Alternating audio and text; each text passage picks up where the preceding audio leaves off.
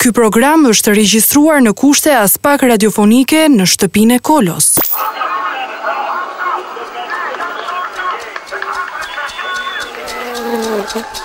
Pasiguria të tremb. Dentisti të tremb. Këngëtarë që s'dinë shkruajnë shqip. të trembin. Turmat në qendrat tregtare të trembin. Martesa të tremb. Beqaria të tremb edhe më shumë. Tabela kujdes shofer i ri të tremb. Çmimet e shtëpive të trembin. Kredia të tremb. Po ky është një emision që nuk ju tremb. Sot nuk është e hënë. Mirëmbrëma të gjithëve që po dëgjoni zërin tim sot, Kjo është Top Albania Radio dhe sot nuk është e hënë. Por ndryshe nga gjithë herët e tjera, ky emision sot nuk ju vjen live. Nuk ju vjen drejtpërdrejt, është me regjistrim. Në dallim nga kolegët të cilët si puna e Fevziut, të cilët i bëjnë emisionet me regjistrim kur kanë misione shumë të rëndësishme gazetareske, investigative apo raportime shumë të rëndësishme për të bërë nga ishujt Seychelles, nga ishujt Virgin, nga Maldive dhe ku di unë. Ne sot këtë emision e bëjmë të regjistruar për arsye sepse unë jam i izoluar në brigjet ekzotike të Myslym Shyrit me Covid. Dhe për të mbrojtur jetën e brishtë të kolegëve si puna e DJ Wizit, emisionin e bëjmë të regjistruar dhe madje edhe disi në kushte rrethanore. Pavarësisht, ë do të përpiqemi që në këtë emision t'ju japim maksimumin e mundshëm. Muzika sot, sikurse dhe unë, do të jetë pa prizë, do të jetë unplugged, akustike, përgjatë gjithë emisionit. Ky program është regjistruar në kushte aspak radiofonike në shtëpinë e Kolos. Sot nuk është e hënë. Sot nuk është e hënë dhe ju po dëgjoni Top Albania Radio. Jemi tek pjesa ku ne bëjmë një pasqyrë të lajmeve të javës së kaluar, Për të qenë i sinqertë, lajmet janë me ngjyrë gri në të zezë. Pikërisht sot që unë kisha menduar të bënim diçka ose të flisim për gjëra kryesisht pozitive, po do përpiqemi që edhe në lajme të gjejmë diçka pozitive.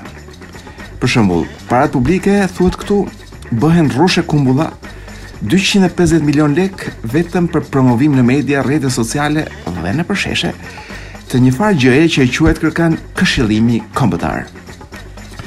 Tani unë nuk e di se çfarë është ky këshillimi kombëtar, por fakti që bën 250 milion lek rresh e kum rrush e kumbulla, më duket diçka shumë me stil dhe shumë bashkëkohore dhe shumë moderne. Pikërisht në stilin e kryeministrit. Pra një kryeministër i cili nuk pyet as ministrat dhe zëvendës ministrat për gjëra që u takojnë ministrave dhe zëvendës ministrave.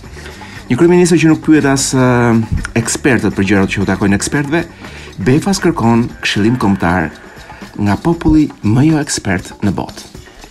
Urime për 250 milion lekët e bëra rrush e kumbulla. Sa më pëlqen fjala rrush e kumbulla. Edhe meqënë se jemi tek frutat, Erdogan dhe Vuçiç, qënkan pajtuar. Jo se kanë qënë të zënë, sepse mm, këta liderët e fortë dhe gangsterë në përgjithësi nuk zihen kurrë me njëri tjetrin. Zihen me institucionet, po jo me njëri tjetrin. Por na qenkan pajtuar së bashku për të ndërmjetësuar bisedimet për krizën për krizën në Bosnje dhe nga ana tjetër Erdogan ka vendosur të ndërhyjë në krizën e Ukrainës. Duke thënë, çfarë nuk bën dot Bideni, e bëj unë. Pra dy orë thithi tym dhe smog Tirane Erdogani dhe mori kot.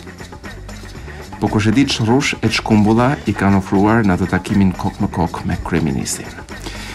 Shqipëria, i vetmi vend europian ku ekonomia pëson rënie, nuk ju intereson kjo, rëndësi ka që Trixa doli nga shtëpia e Big Brother. Ë, shifra të frikshme, 197 jetë të humbura në aksidente, as kjo nuk ju intereson.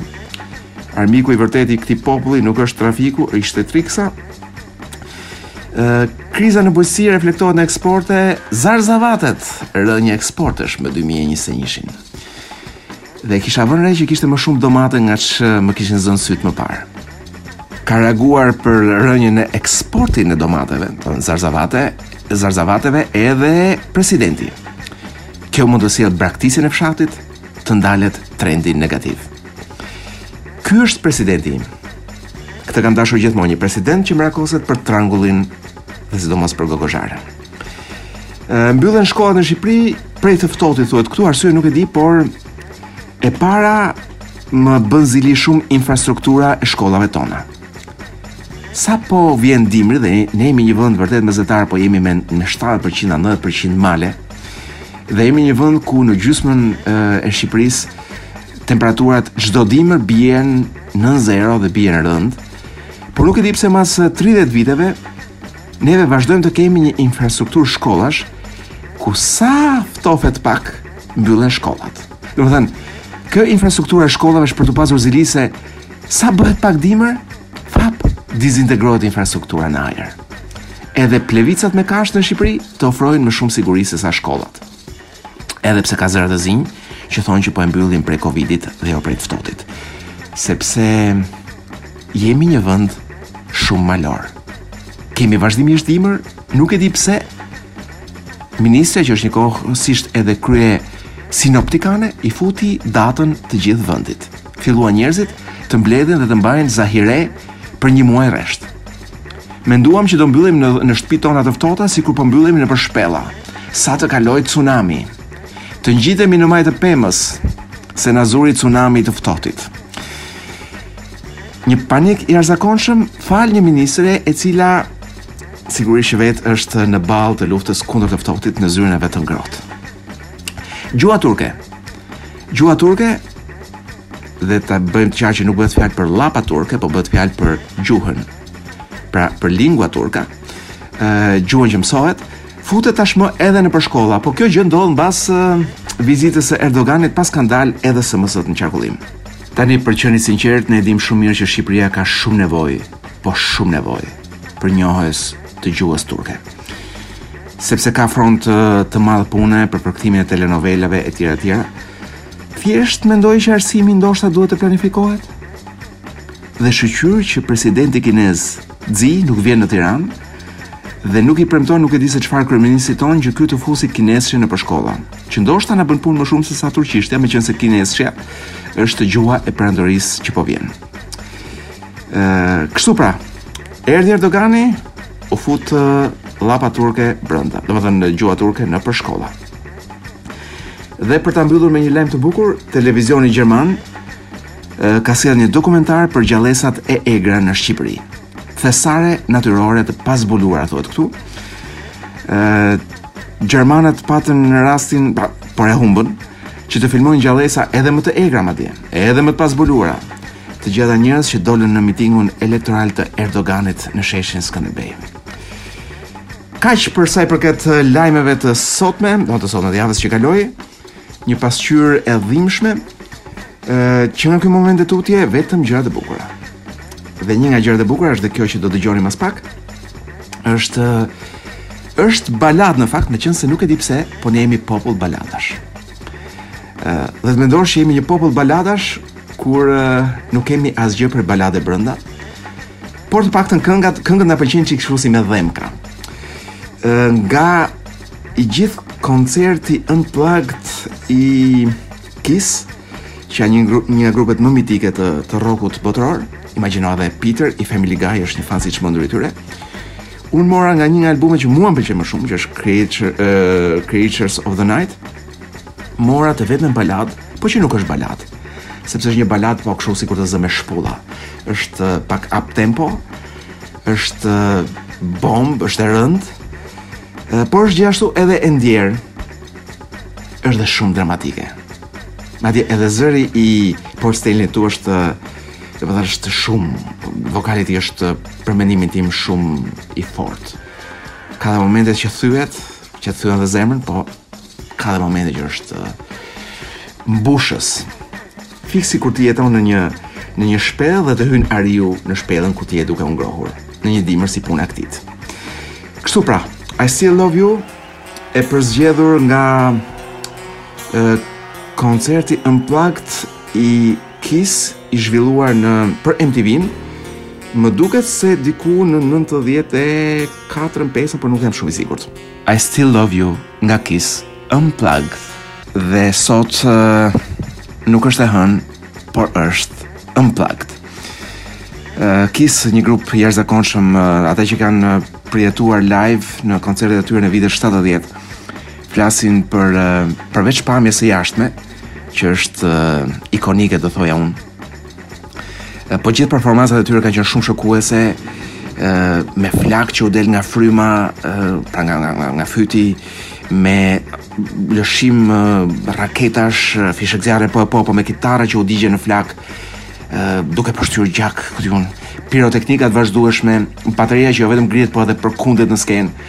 Gjëra që Për botën e 1970-ës, ju kujtoj që në atë kohë Shqipëria prodhonte këngë të tipit shoqet tona ilegale, apo sa i bukur fshati im kooperativist, apo mbjellja, sa bukur na vajti mbjellja, apo korrja e grurit këtë vit. Kiss ndërkohë bënin nga këto çmendurit diku tjetër. Dhe të rrim pak tek ato gjëra që mund të ngjajnë si çmenduri, që në fakt një sy i jashtëm nuk i shpjegon dot, por edhe ne nga brenda nuk i shpjegojmë dot. Pse jemi kaq të ngadaltë dhe kaq të nxituar? Kur dikush vjen nga jashtë, thotë Shqipëria ngjan si një film, pra jeta Shqip... në Tiranë, që është vendi më i zhurmshëm dhe më i gjallë i Shqipërisë, jeta ngjan si një film i ngadalësuar. Për shembull, të vish nga Londra, New York, o larg qoftë nga Tokyo, ku gjithçka është dinamike, njerëzit ecin shpejt, lëvizin shpejt, Ti vjen shqip në Shqipëri dhe filmi ngadalësohet. Gjërat lëvizin ngadalë. Njerëzit nuk e pin kafen shpejt në këmbë dhe shkojnë në punë, po ulen për 2 orë. Ne baresim edhe në mes të ditës. Jemi shumë të ngeshëm.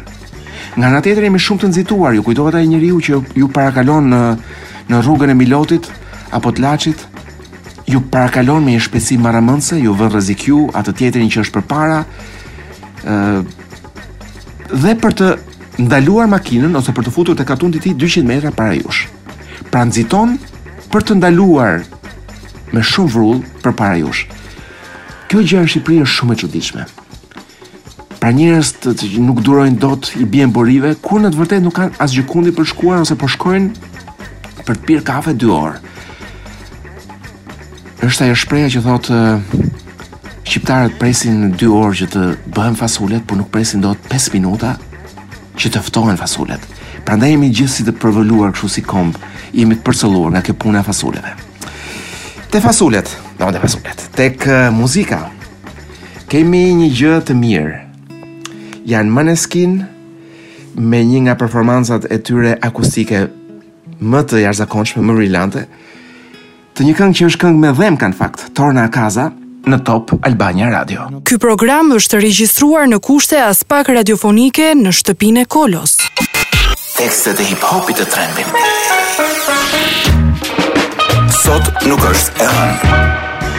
Sot nuk është e hënë, Dhe kjo është Top Albania Radio, në këtë program të regjistruar për arsye Covidi dhe karantine.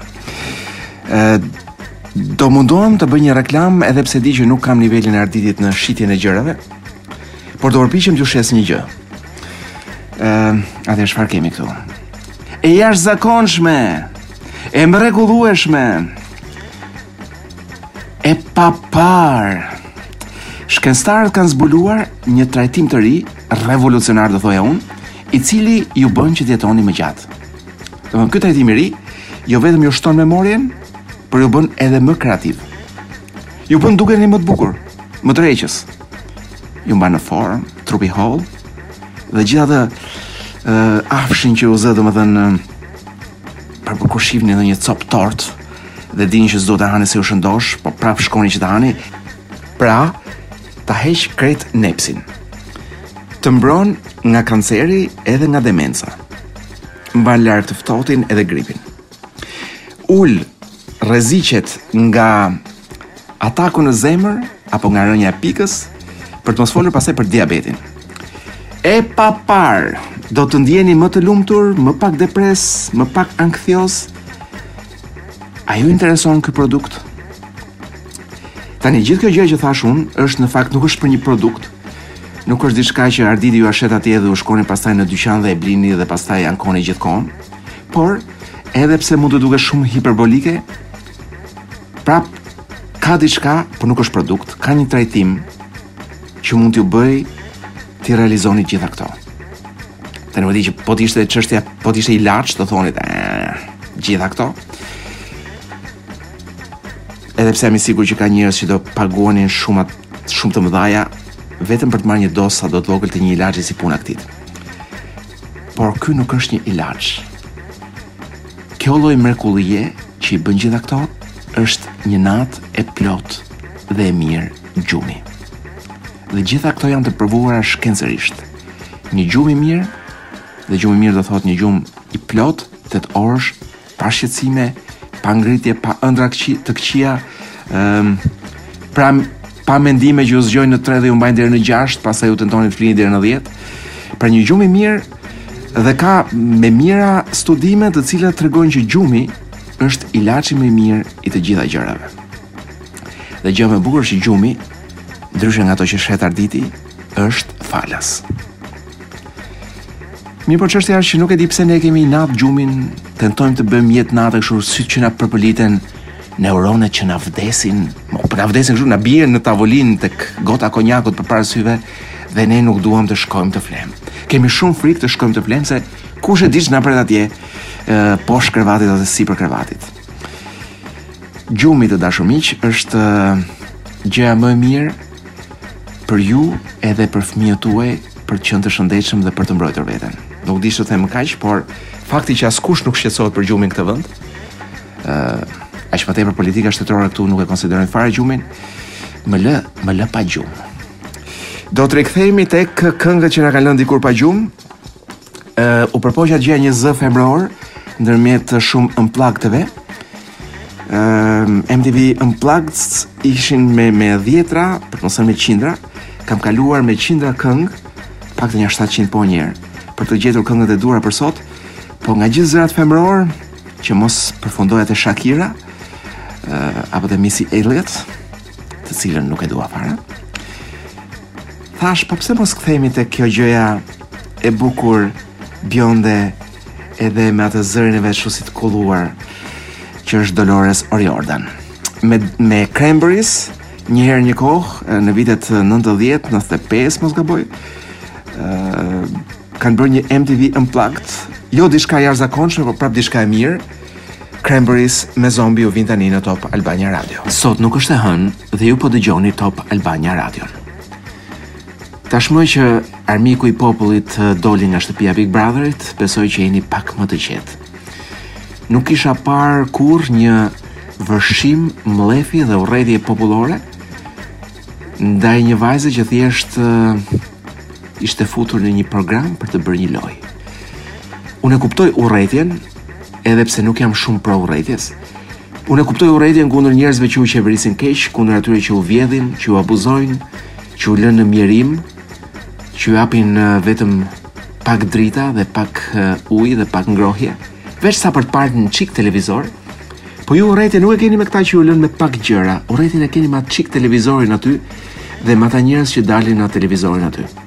Dhe kjo është pak shqetësuese. Pra jemi një popull që urrejmë dhe nuk urrejmë atë që duhet urrejmë, por ti mund të urresh edhe njeriu që të ka bllokuar makinën. Jo. Ne urrejmë njerëz që në të vërtetë nuk na kanë bërë asnjë gjë. Dhe vazhdojmë të mbajmë në qafë dhe të durojmë ditë për ditë. Njerëz që na bëjnë që të jemi të paktën të rrënuar emocionalisht dhe nuk po them ekonomikisht. Megjithatë, sot është sonte është një ditë e bukur. Është një ditë pozitive, e, ehm, sepse muzika është e bukur në këtë radio, Prince me Cream ju vjen pas pak. Prince është një nga muzikantët më të mëdhenj të brezit të vet. Ju këshilloj që për 3-4 minuta që vijnë të mos flisni në makinë. Fund fundit, edhe nuk është se kemi shumë gjëra për të thënë. Me daljen e Triksës nga Big Brotheri, nuk ka ngelur më asgjë për të thënë. Janë ezauruar të gjitha temat. Kështu që mund t'ia lëmë pak hapësirën Princit. Kënga Cream është një këngë shumë seksuale, shumë erotike. Është lozanjare do thoja unë. është hiti i fundit i tij, do hiti i fundit në hit parade po thoja unë.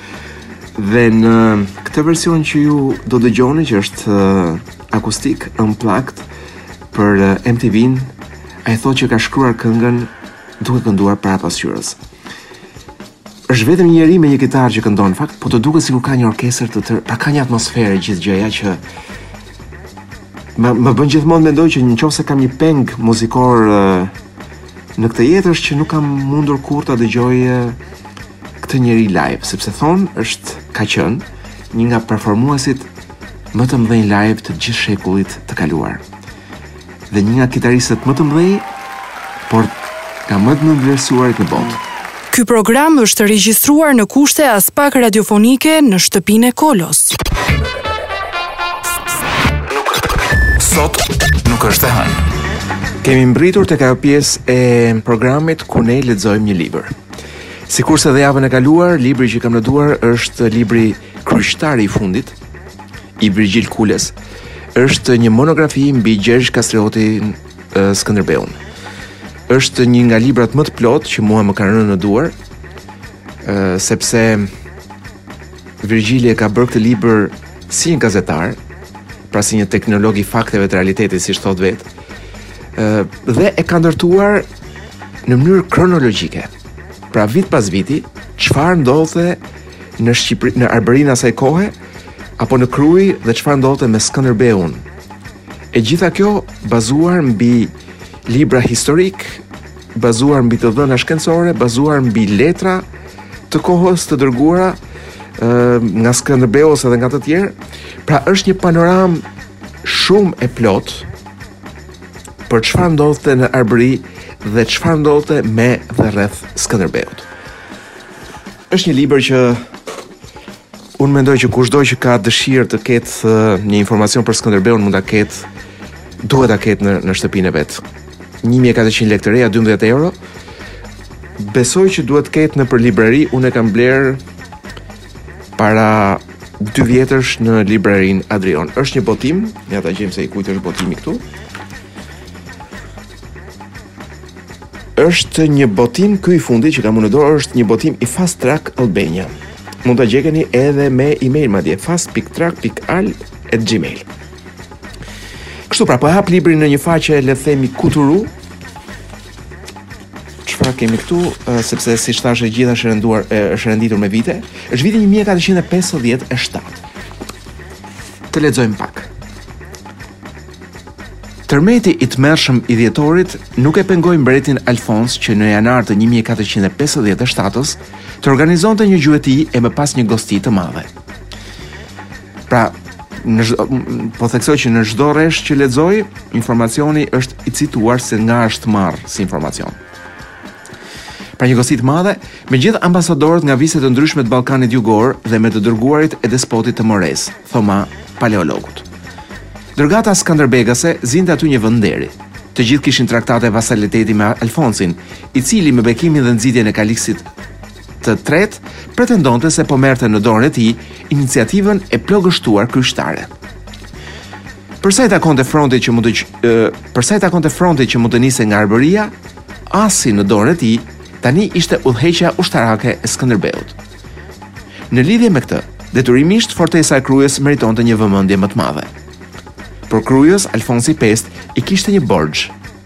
Bashkësia e qytetarëve të Krujës duhet ta ketë ngritur vazhdimisht para Skënderbeut problemin e harresës nga ana mbretit aragonez të zotimit që kishte marrë më 26 mars të 1451-shit në traktatin e Gaetës për konfirmimin dhe garantimin e privilegjeve të tyre tradicionale. Sulmet osmane në fund të vitit Sulmet osmane në fund të vitit 1455 e kishin bërë edhe më të domosdoshëm plotësimin e kësaj pike të traktatit të Gaetës. Delegacioni shqiptar, që kishte marrë pjesë në gjuetinë e janarit dhe në darkën festive të organizuar nga Alfonsi, nuk kthehet faqja Se është libër i madh, dhe mbaj edhe regjistruesin në dorë ndërkohë, nuk ishte mjaftuar vetëm me pjesën ceremoniale. Ata kishin folur edhe për statusin e Kru, statusin e Krujës dhe kishin bërë edhe marrëveshje për furnizime me ushqime. Ë Në muajin mars 1457, 200 karro drithë morën detin drejt Arbërisë. Ishin premtuar edhe 1000 kalorës dhe 1000 këmbësorë. Po kaloj pak rreshta këtu, sepse po vazhdoj te pjesa këtu që uh, thotë, po një në faqen uh, 278 thotë, ka disa të dhëna që lejojnë të arsyetohet se titulli Zot i Krujës po përdorej me rezerva, madje kishte raste që nuk përmendej fare, si nga vetë Kastrioti, ashtu edhe nga të tjerët. Për shembull në letrat e Dukës së Milanit, të 20 qershorit dhe 15 tetorit 1456. Ndoshta për shkak se nuk qenë plotësuar kushtet juridike për përdorimin legal të këtij titulli. Zotërit e saj legalë, Kruja i kishte pasur gjithmonë sovranë, me autoritet juridik të mjaftueshëm për të qenë njohës de jure dhe natyrisht garantues të statusit të saj autonom. Pa shpjeguar arsyen, historianët e Skënderbeut kanë theksuar faktin se Në diplomacinë për njohjen e privilegjeve të hershme të qytetit të Krujës, që u lëshua nga Alfonsi V në datën nëntëmbëdhjetë prill një mijë e katërqind e pesëdhjetë e shtatë, nuk përmendet gjëkundi emri i Gjergj Kastriotit. Madje, shtojmë se, që këtej tutje titulli i tij si zot i Krujës zhduket thuajse përfundimisht nga dokumentacioni i kohës. Pse kështu? Un mund të vazhdoja të lexoja, por uh, them që është një lexim i gjatë dhe ndoshta ju duhet ta lexoni vet. Ose ndoshta mund ta vazhdojmë uh, javën që vjen. Libri është i Virgjil Kules, Kryqtari i fundit, i kushtuar Gjergj Kastriot Skënderbeut. Dhe nuk është e vërtetë ajo që kryeministri tentoi të na gënjente, që ne e kemi inat Turqinë apo miqësinë me Turqinë. Jo. Ne duam Turqinë sepse mashallah përdorim shumë turqizma dhe kemi shumë lidhje edhe emocionale me perandorinë e vjetër. Por ne kemi një problem me Erdoganin, unë personalisht. Unë kam kam një problem me Erdoganin dhe unë kam një problem me marrëdhënien që kryeministri im ka me një sultan të huaj, që është një marrëdhënie dukshëm vasaliteti. Pra unë do doja që të ishim vasalë tek Makroni, ku ma gjen. Apo te Shulci. Apo edhe te Draghi në Itali, po nuk do doja të ishim vasalë të një të një kryeministri turk. Kështu që me gjithë dashurinë e madhe që kemi për Turqinë, për kulturën turke, për kuzhinën turke, Dhe të jeni të sigurt që unë e vizitoj Turqinë dhe Stambollin shumë më shumë dhe e dua dhe e njoh shumë mirë se sa kryeministri jonë. Unë nuk dua Erdoganin, kështu që nëse unë jam kundër një vizite të Erdoganit, jam kundër mënyrës se si bëhet ajo, mënyrës se si kryeministri jonë sillet. Fakti që Erdogani vjen dhe kërkon gjëra nga ne. Futjen e gjuhës turke, gjëra të tjera. Ëm uh, kërkon që të sulmojë armiqtë e vet përmes Shqipërisë. Dhe dua të paktën të di çfarë na jep ky njeri. Dhe më lejoni të dukem pak kështu si ë uh, kontroversal, po unë nuk mendoj që xhamitë janë ajo që ne duhet t'i kërkojmë uh, Turqisë. Në qoftë se Turqia me brekë nëpër këmbë ka vërtet fuqi të ndihmojë njeri tani. Por jo, fuqi nuk ka të ndihmojë, por nuk e di pse fuqi për ta kapur për veshi këtë tonin ka. Edhe ky joni del pastaj thotë, Po ju urreni Turqinë dhe miqësinë me Turqinë mike. Jo. Ne e dashurojmë Turqinë. Unë personalisht urrej Erdoganin. Dhe vasalitetin. Dhe me këtë frymën që më merret për shkak të Covidit, ju rikujtoj që emisioni është i regjistruar në kushte rrethanore shtëpie. Do t'ju lëshoj me diçka tjetër. Është çfarë kemi diçka tjetër? A është diçka që mua sa herë e dëgjoj Më ngre shpirtin pesh. Është një regjistrim i viteve 2010, besoj. UB40 është bashkë me uh, Aliun, Astron dhe Mikin, seç janë shumë veta aty brenda, të gjithë muzikantë shumë të mirë, besoj unë. Uh, Unplugged do të dëgjoni tani Food for Thought. Është një nga këngët më të mira të një të grupit ndoshta të vetëm reggae të bardhë që ka bërë bujë ndërkombëtare UB40. Ky program është regjistruar në kushte aspak radiofonike në shtëpinë e Kolos. Ylli orbital të tremb. Të tremb. Po ky është një emision që nuk ju tremb. Sot nuk është e hënë. Sot nuk është e hënë, Dhe ju po dëgjoni Top Albania Radion. Dhe në qoftë se zëri im mund të duket pak i çuditshëm, është sepse ky emision është i regjistruar, dhe madje i regjistruar jo në studio, po në shtëpi.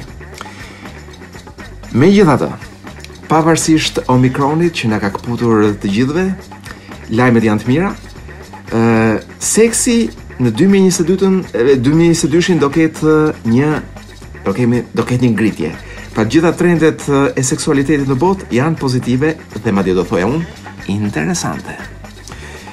Kështu që të shohim njëherë se çfarë trendesh do kemi për këtë vit. Uh, unë po shikoja një përmbledhje studimesh të bëra në fakt dhe gjëja më e bukur që m'u duk, pra gjëja më e bukur për seksin në 2022-shin është që do bëhet vegjetarian. Tashi aty termi në anglisht është going green, po unë e përktheva kështu si vegjetarian, po mund të thoshim është edhe do jetë le të themi ekologjik. Do jetë ekologjik sepse ka nisur si trend, po pritet të ketë një forcim shumë të madh në 2022-shin, është prodhimi i lodrave seksuale me standarde ekologjike për gjithë këto kompani që po prodhojnë produkte seksuale, po shkojnë drejt standardeve ë mjedisore shumë strikte, sepse shumë njerëz të cilët janë të vëmendshëm ndaj ekologjisë dhe kjo vjen kur ti e ke barkun pak të mbushur me bukë. Pra kur qëllimi në jetë nuk është se si të mbijetosh dhe si të shkosh në fund të muajit, çfarë ndodh rëndom në Shqipëri. shkosh në fund të muajit dhe dhe nuk ke para për të blerë bukë, por kur njerëzit e kanë kaluar situatën e stomakut, zemra thotë, po sikur, domethënë, ajo pjesa juaj e shpirtit të ndjeshëm thotë, po sikur ta kishim botën pak më të mirë. Pra, ata që janë më të shqetësuar, pra që kanë barkun e mbushur dhe janë të shqetësuar për për pjesën e ekologjisë, do të kenë edhe në seks lajme shumë të mira. Pra janë këta njerëz që kanë edhe edhe seksin e duan ekologjik. Dhe po shoh këtu një seri me lodra seksuale të cilat janë do të vijnë në 2022-shin, do të vijnë në versione ekologjike, për shembull. Do të ketë vibrator të bërë me materiale të ricikluara. Domethënë, kemi parasysh ato pislliqe që ju hidhni për plera, dikush po i merr, po i riciklon, po i pastron dhe po i kthen në në vibrator. Dhe jo vetëm kaq, do ketë edhe lodra seksuale që janë biodegradable. Ëh, disa kompani të tjera, biodegradable nuk e di se çfarë mund të jetë. Unë mbaj mend që dikur shiteshin të brendshme prej çokoladë. Po ndoshta e çokolata nuk tretej mirë, mbase do bëjnë një gjë tjetër që tretet mirë. Ka dhe kompani të cilat për çdo vibrator që ju blini, ato mbjellin një pemë. Kështu pra, nuk ju gënjejnë me pemë falso dhe me numra falso pemësh të mbjella, por në të vërtetë ju kur mbillni një pemë atje, jo këtu, E dini që dikush ka blerë, pra një pemë e mbjellë është në fakt një vibrator i blerë. Karbon neutral këto. Ky ishte njëri, ç'ju them, e përmbledhur ky trend është ky, është i tillë. Në mënyrën se si e shoh unë për qenë ekologjik. Çdo masturbim i juaj mund të mbrojë një pyll në Amazon. Trendi tjetër. Monogamia, jo, e kundërta, jo monogamia etike. Pas kanë kanë bërë vazhdimisht, po më i fundit prej eh, sondazheve që kanë bërë, thotë që 32% e amerikanëve të rritur, adult pra, thonë që marrëdhënia ideale që do donin do të ishte deri diku jo monogame. Madje millennials, këta njerëzit e lindur në ose këta këta që janë bërë janë bërë burra dhe gra në në mijëvjeç në mijëvjeçar ë e kanë këtë shifër në 43%, pra nuk e duan më brezat e rinj nuk e duan më marrëdhënien monogame. Por e duan etike. Pra jo kjo që ndodh në Shqipëri që askush nuk e do monogame dhe gjithë ia dredhin njëri-tjetrit, por është etike. Ti në bashkëpunim me tjetrin vendosni disa kushte lirie më të madhe. Madje një nga termat më të kërkuar në lidhje me këto gjëra seksuale në me standarde seksuale në në në Google paska qenë termi poliamorozitet apo marrëdhënie të hapura, open relationship. Çka tregon që ka një interes dhe për këtë vit do të ketë uh, një konsolidim më të madh të disa aplikacioneve që mund të shkarkoni edhe ju, me anë të cilave ti mund të zhvillosh marrëdhënie apo mund të shkaktosh ato që ne quajmë tradhti uh, në çift. Pra ka aplikacione vetëm për njerëz që duan të tradhtojnë. Dhe këto do të konsolidohen dhe do të fuqizohen dhe më shumë. Por po ju rikujtoj që trendi është që kjo tradhtia të mos jetë më tradhti, pra të bëhet në mënyrë etike, me bashkëpunimin, me mirëkuptimin e partnerit, dhe më, duke mos e humbur marrëdhënien kryesore. Ikim nga kjo, kthehemi tek tema jonë e preferuar si shqiptarë, masturbimi. Ç'të them, masturbimi çdo ditë mban doktorin larg. Ka studime me dhjetra të cilat tregojnë që masturbimi e, shëron dhe lufton dhimbjen dhe jo vetëm dhimbjen. Ka një studim i fundit që është bërë në Suedi, po lexoj unë, 22% e njerëzve thonë që ë ehm, masturbojnë sepse nuk duan marrin ilaçe. 70% e këtij studimi thotë që ë ehm, Është vërejtur te njerëzit që masturbojnë për kohë të gjatë, në shëndetin e tyre masturbimi ka një impakt shumë të madh.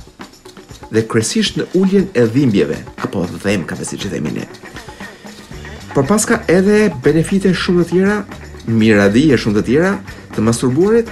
Ë një nga kjo është që tru, truri lëshon endorfina, Dhe endorfina çfarë bën? Është si biçim droge. Na bën të ndjehemi mirë, nga ana fizike edhe mendore. Gjithashtu, ajo gjëja që fillon me më dhe mbaron me cion, ë çliron tensionin dhe ul shumë stresin.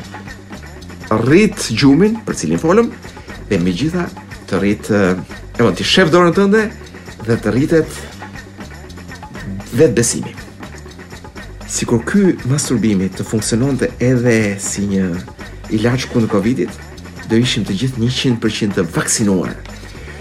Jo vetëm vaksinuar me 1 2 3, por do ishim te boosteri i 400.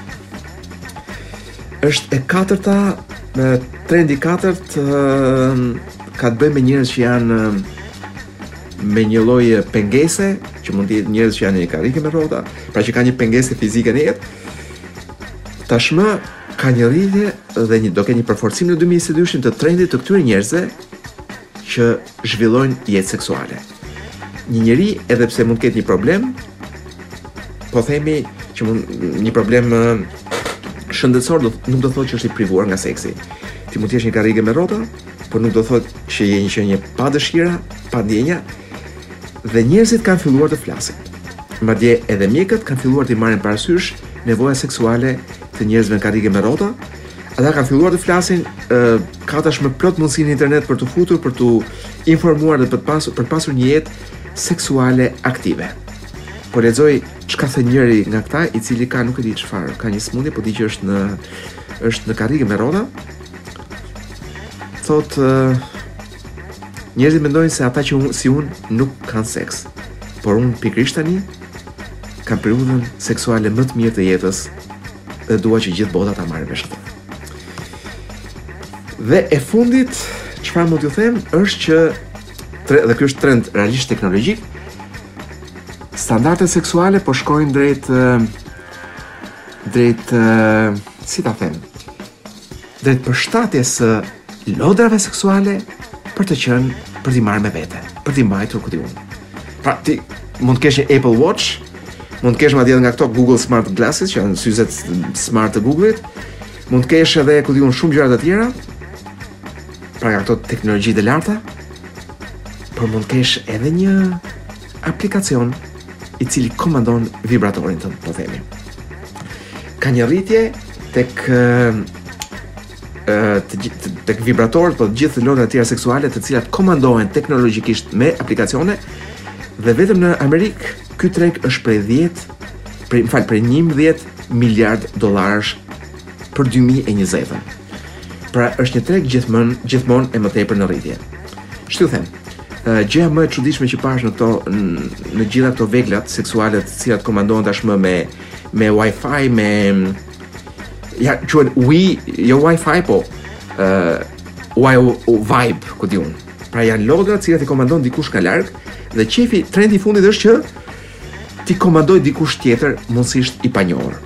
Dhe gjëja më e çuditshme që pashë ishte një produkt Madje kishte pasur bujë dhe në CES, që është një nga këto panairet e mëdha të teknologjisë, një produkt i cili përdorej në mënyrë uh, anale, pra një biçim vibratori anal, uh, kontrollin e të cilit ti ia jepje kuj, dikujt në internet, pra mund ta hidhe në internet dhe për si me thënë ty të komandonte dikush tjetër, këtë veglën brenda teje komandonte dikush tjetër. Nuk më duk shumë e lezetshme. Sepse e vetmja gjë që do doja që Domethënë, është ajo fraza që thotë vrimat e bythës janë si puna e opinioneve seci, e, e opinioneve secili ka nga një. Dhe po ta përshtasnim do thonim që nuk e kam përshtatur unë e ka e, përshtatur në fakt e, e, Jamie Oliver i cili tha tashi ne një kemi dhe pse duhet ta lëmë internetin që të marrë komandën e asaj e asaj vrime që kemi. Kështu pra, do të ketë një shpërthim të elementeve ë teknologjik seksual të paparë. Dhe me kaq mendoj që neve kemi tejkaluar çdo minutazh ku flitet për seksin në Shqipëri. Çfarë kemi muzikalisht? Kemi një George Michael, një nga homoseksualët, pa lidhje me temën që po flisim, një nga homoseksualët më të dashur të të gjitha kohërave.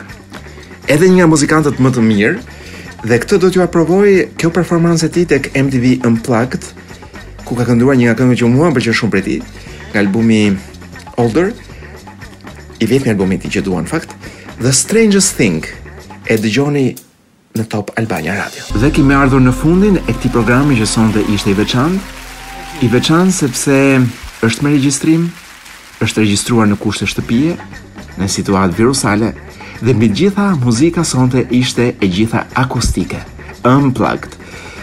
Unë ndër qindra këngë që kam dëgjuar këtë javë, u përpoqa të zgjidhja ato që mua m'u dukën nga më të mirat, edhe që mua më pëlqejnë më shumë nga performancat kryesisht në MTV Unplugged. Dhe për ta mbyllur, Një këngë e cila nuk na sjell një, por na sjell dy gjëra të bukura brenda. Na sjell uh, një performancë nga Nirvana dhe një këngë nga David Bowie. Unë ju lë për t'ju takuar përsëri javën tjetër, duke ju uruar shëndetin e mirë në radhë të parë, por edhe të mos humni shijen muzikore. The Man Who Sold the World, njeriu që shiti botën, një këngë e David Bowie-t, nga Nirvanat vjen pikërisht tani në Top Albania Radio.